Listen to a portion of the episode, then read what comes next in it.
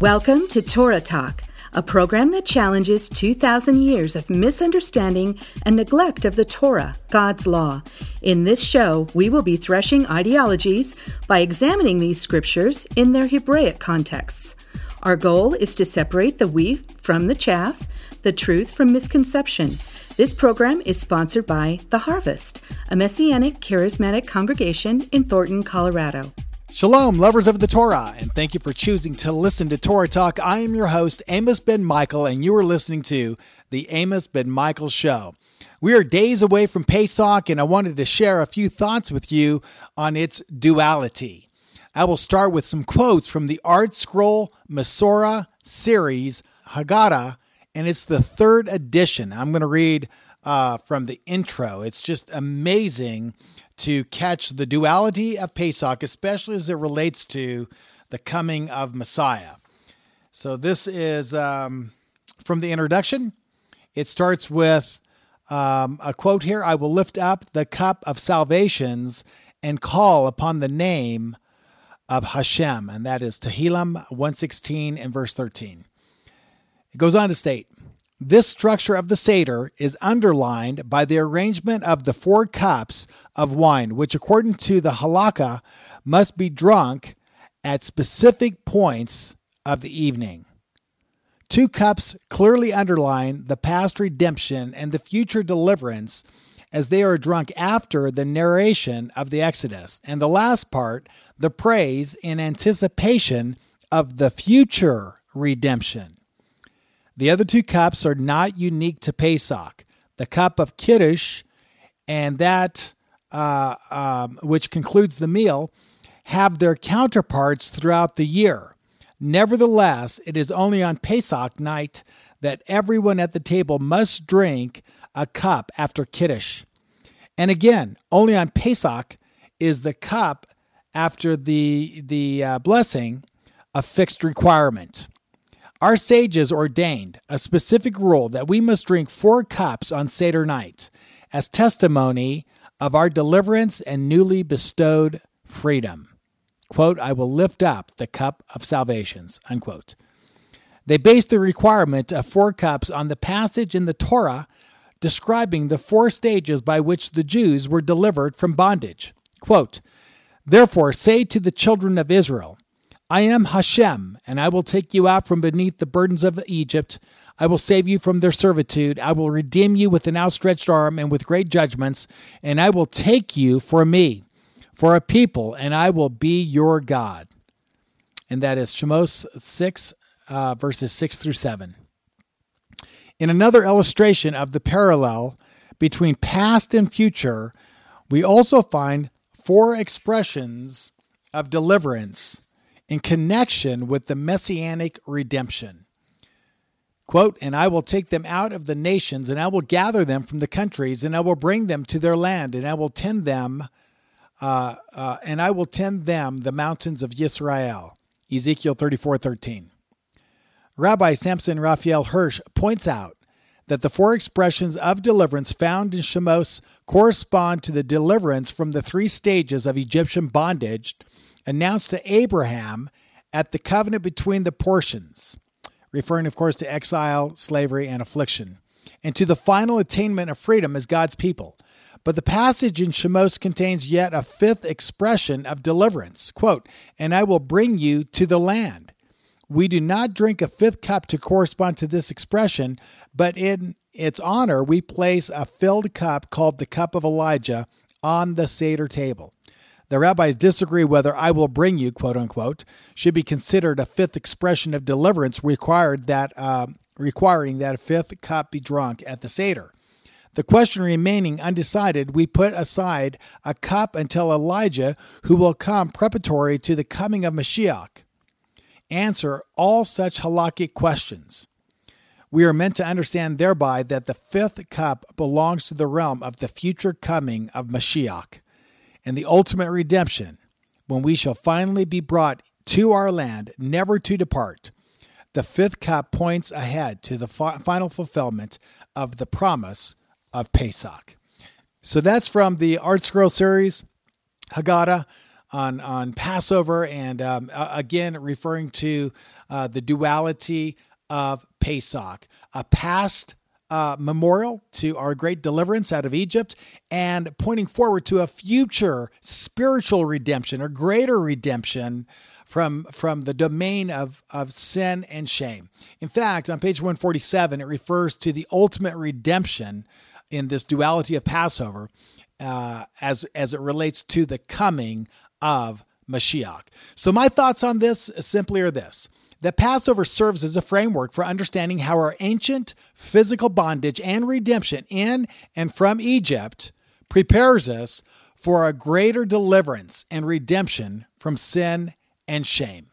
And all of this can be seen in the types and shadows of the Passover story found in the Torah, specifically the book of Exodus. The Seder is a memorial to the past and a reminder of the future redemption that comes with the arrival of the Messiah, the Lamb of God, who takes away the sin of the world. And this can be clearly seen in the story of Abraham in his attempt to sacrifice his own son Isaac, as told in Genesis chapter 22. Before we read it, let me point out that Yeshua the Messiah stated something very intriguing in John 8 and verse 56. He said, Abraham rejoiced to see my day, and he saw it and was glad. Now, now think about this.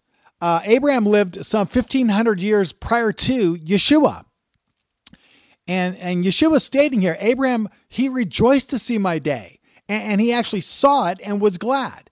And I want to point out that in the Greek, this word that we translate see, uh, it simply means to perceive with the outward senses, particularly with physical sight. And also, notice this to perceive with the mind, i.e., in a vision or a dream. Now, this is really close to the Hebrew word uh, that corresponds with the Greek word for seeing. Uh, so the Hebrew uh, simply means to be seen or to reveal oneself. To be seen, to cause to see, to be made to see, to be shown. Again, uh, similar to the Greek in, in terms of a vision or a dream, uh, that would be one of the ways that we would see things, um, not just with our physical sight, but with our spiritual sight. So here's the big question When did Abraham see Yeshua's day? Now, the most compelling time, I believe, would have been on Mount Moriah when he was about to sacrifice his son Isaac. And you don't catch this in Christian translations, but it becomes very, very clear if you're reading from a Jewish translation. And we'll get down to that in just a moment. Uh, but I believe that on Mount Moriah, Abraham was given a vision. And in that vision, he saw Yeshua, the Messiah's day. And Abraham even named that mountain the mountain of vision, where Hashem is seen and revealed. So let's get into the story and let's let's see if this is actually what's uh, being stated, being conveyed. Leviticus, I'm sorry, Genesis 22. Now it came about after these things that God tested Abraham and said to him, Abraham, and he said, Here I am. He said, Take now your son, your only son, whom you love, Isaac, and go to the land of Moriah and offer him there as a burnt offering on one of the mountains of which I tell you. So Abraham rose early in the morning and saddled his donkey and took two of his young men with him and Isaac his son. And he split wood for the burnt offering and arose and went to the place of which God had told him. On the third day, Abraham raised his eyes and saw the place from a distance. Abraham said to his young men, Stay here with the donkey, and I and the lad will go over there, and we will worship and return to you. Abraham took the wood of the burnt offering and laid it on Isaac his son, and he took in his hand the fire and the knife. So the two of them walked on together. Isaac spoke to Abraham his father and said, My father. And he said, Here I am, my son. And he said, Behold the fire and the wood, but where is the lamb for the burnt offering? Abraham said, God will provide for himself the lamb for the burnt offering, my son. So the two of them walked on together. Now, I want you to keep this in mind. Uh, this this statement that Abraham makes because it's prophetic. It, it is absolutely an amazing statement that that plays a key role in the passage below. And Abraham said, God will provide for himself. God will provide for himself the lamb for the burnt offering. So in verse 9, we'll pick up the reading. Then they came to the place of which God had told him, and Abraham built an altar there and arranged the wood and bound his son Isaac, laid him on the altar on top of the wood. And Abraham stretched out his hand and took the knife to slay his son. But the angel of the Lord called him from heaven and said, Abraham, Abraham. And he said, Here I am. He said, Do not stretch out your hand against the lad and do nothing to him. For now I know that you fear God, since you have not withheld your son, your only son, from me. Verse 13. Then Abram raised his eyes and looked, and behold, behind him a ram caught in the thicket by his thorns, or by his horns. And Abraham went and took the ram and offered him up for a burnt offering in the place of his son. Abraham called the name of that place, The Lord will provide, as it is said to this day, in the mount of the Lord it will be provided. Now, I want to I want to just state that I, I think this translation is a poor translation, and it's found in almost every Christian translation of the Bible. And the reason I say that is, um, it's interesting to note that that Abraham calls that place according to Christian translations, the Lord will provide, as it is said to this day, in the mount of the Lord it will be provided. Now, this word uh, provided and the word provide is based on a Hebrew word that actually means to see. Uh, in fact, in fact, you, you, can make a strong case that the word should be uh, translated as provision uh, in its in its literal sense to to see beforehand and uh, I'll get down to that in a moment. But if you want to back up to verse 13, it says, Then Abraham raised his eyes and looked. And this phrase, raised his eyes and looked, is, is, is a phrase that sometimes is used and is referring to um, seeing a vision where you lift your eyes and in looking up you catch um, an idea you you you you you you have vision you have revelation uh, in fact, a lot of times when we go to think, we'll look up as we contemplate whatever it is that, that's going on in our in our mind. But this phrase "to look up" uh, can sometimes mean uh, and be in reference to receiving revelation and even receiving uh, vision.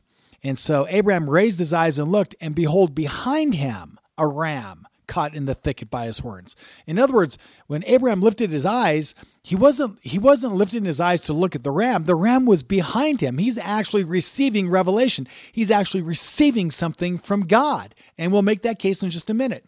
But as he's receiving revelation vision, then subsequent to that, he hears something and he turns around and behind him is a ram that's struggling, but it's caught by its horns in the thickets. And so so at that point, Abraham takes the ram and he offers the ram in place of his son. And so Christian translators then uh, take and make the emphasis the ram. And that's why they translate it, the Lord will provide, because they view the ram as being the Lord's provision as was promised earlier. But if you go back earlier in the text, it's interesting to note that God promised to provide a lamb, not a ram. The provision is for a lamb, not a ram. And so, so uh, in catching that, I think Jewish translators did a much better job with this passage because they don't focus on the ram. The focus is actually on the vision that Abraham had received because what was in the thickets was not a lamb anyway. God had not provided what he promised. In fact, that promised lamb would come much later. But what was promised did not come that day. In fact, what it is is a ram. So let me just jump into this idea that the word here, Yireh, in the Hebrew, uh, is actually uh, a word that conveys the idea of sight or vision or foresight, um, what we would call provision, uh, to see something ahead of its time. The Tanakh, which is by the Jewish Publication Society, is a translation by Jews and for Jews of the Bible. So here's how they translate uh, verse number, I believe it is, let me see, 14. 14.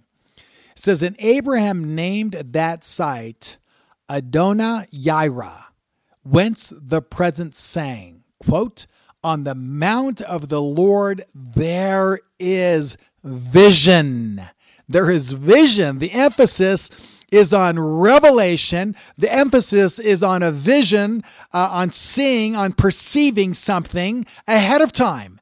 That's how it's translated. Let me read it again. The Tanakh, JPS, and Abraham named that site Adonai Yireh, whence the present saying, quote, on the mount of the Lord there is vision. Now, if that's not enough, let me give you another translation. This is the Humash Stone Edition. Same passage, same verse, Genesis 22 and verse 14. Notice how they translate it. Jewish translators uh, translating for uh, Jewish people. And Abram called the name of that site, quote, Hashem Yireh, unquote. As it is said to this day, on the mountain, Hashem will be seen. Once again, the emphasis is on vision on revelation, on perceiving something by the hand of God that has not yet come to pass. It's an amazing uh, translation, both those translations, and I think it really fits the context truly well. And not only not only do I believe that, but I believe it connects with what Yeshua said about Abraham, that Abraham uh, actually. Uh, um, saw Abraham or Abraham actually saw Yeshua's day and he rejoiced into it. He he he he rejoiced to see uh, the Messiah's day and that he actually saw it and was glad. And so this is just an amazing connection between what Yeshua said and what the passage actually tells us. And I want to say this if the Jewish translators got it right, and I believe they did, then this must be the place Yeshua was referring to when he said that Abraham saw his day and rejoiced in it. Later on, uh, John, Yochanan the Baptist, the immerser, he says this when he sees Yeshua, he says, Behold, the Lamb of God who takes away the sin of the world.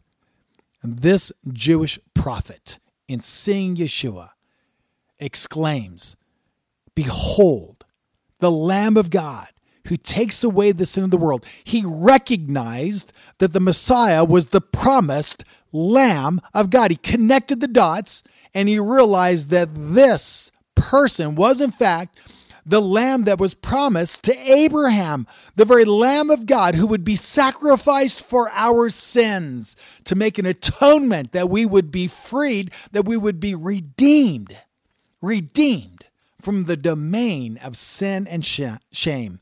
This is the second and greater redemption that I believe that has been the hope of, uh, of Jewish hearts and, and, and souls and even Gentiles. So let me come back to this. Um, Paul, the Apostle Paul, another apostle, says this concerning Yeshua. In 1 Corinthians, he says, Yeshua is our Pesach sacrifice. So, so here we have two Jewish, uh, uh, highly prophetic and, and gifted souls uh, recognizing that the Messiah, Yeshua the Messiah, was in fact the Lamb of God and not only the Lamb of God, but that he would be the fullness of the Pesach sacrifice, that in him we would have the ultimate sacrifice and the forgiveness of our sins. And being reconciled with God, we would be restored to all of those blessings that God had intended for us. So the duality of Passover is seen in the types and shadows of the first physical redemption and the fulfillment of those types and shadows in Yeshua the Messiah, who is our second and greater spiritual redemption. And just as our ancestors in Egypt put their faith in the blood of the Passover lamb for their salvation, so we today put our faith in the blood of the slain Lamb of God, Yeshua the Messiah, for our redemption and salvation. This is the goal of the Seder to move us forward into the second and greater redemption found in Yeshua the Messiah, the Lamb of God, sacrificed for our sins that we might be forgiven, reconciled, and restored in our relationship with God. So, what about you? Are you stuck in the past? Can't you see what the types and shadows reveal? What are you waiting for? Get on your knees. Passover is days away. Get on your knees right now and confess your sins. Embrace Yeshua, the Lamb of God, as your Pesach sacrifice, and you too will be forgiven and redeemed forever. You will know the love of God in a way you have never comprehended. You will be saved, safe in the strong arms of your Father in heaven. Do not hesitate. Get on your knees right now. Confess Yeshua as your Lord and Savior, as your Pesach atonement. Be saved from this wicked generation. He is our Pesach sacrifice. He is our atonement. He is our salvation, our peace, and our joy. Hag Sameach. Happy Passover to you and your loved ones. Well, that concludes our program for this week. And a special thanks to our great King, Yeshua the Messiah, the Lamb of God, our Pesach sacrifice. And also a great thanks to our listeners and supporters for making this podcast possible through your prayers and financial giving. Thank you. Know that in your prayers and giving, you are partnering with us as we advance the kingdom of Messiah in Israel, in the United States, and throughout the world. We are highly we are a highly rated and listened to messianic podcast on iTunes under the category of Judaism. So subscribe now, pray with us, give financially, and share the vision and the power of this podcast with everyone you know. Baruch Hashem. Blessed be the name of the Lord. I'm your host, Amos Ben Michael, and until our next show, may the Lord bless you and keep you. May the Lord make his face shine upon you and be gracious to you. May the Lord lift up his countenance upon you and give you his peace. In the name of the Prince of Peace, Yeshua, the Messiah. Shalom. Torah Talk has been brought to you by The Harvest, a messianic charismatic congregation located at 8891 Pose Boulevard in Thornton, Colorado.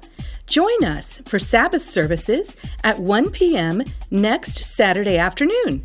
For more information, please call us at 303 761 9948 or visit our website at www.graftedin, that's. God bless you and shalom.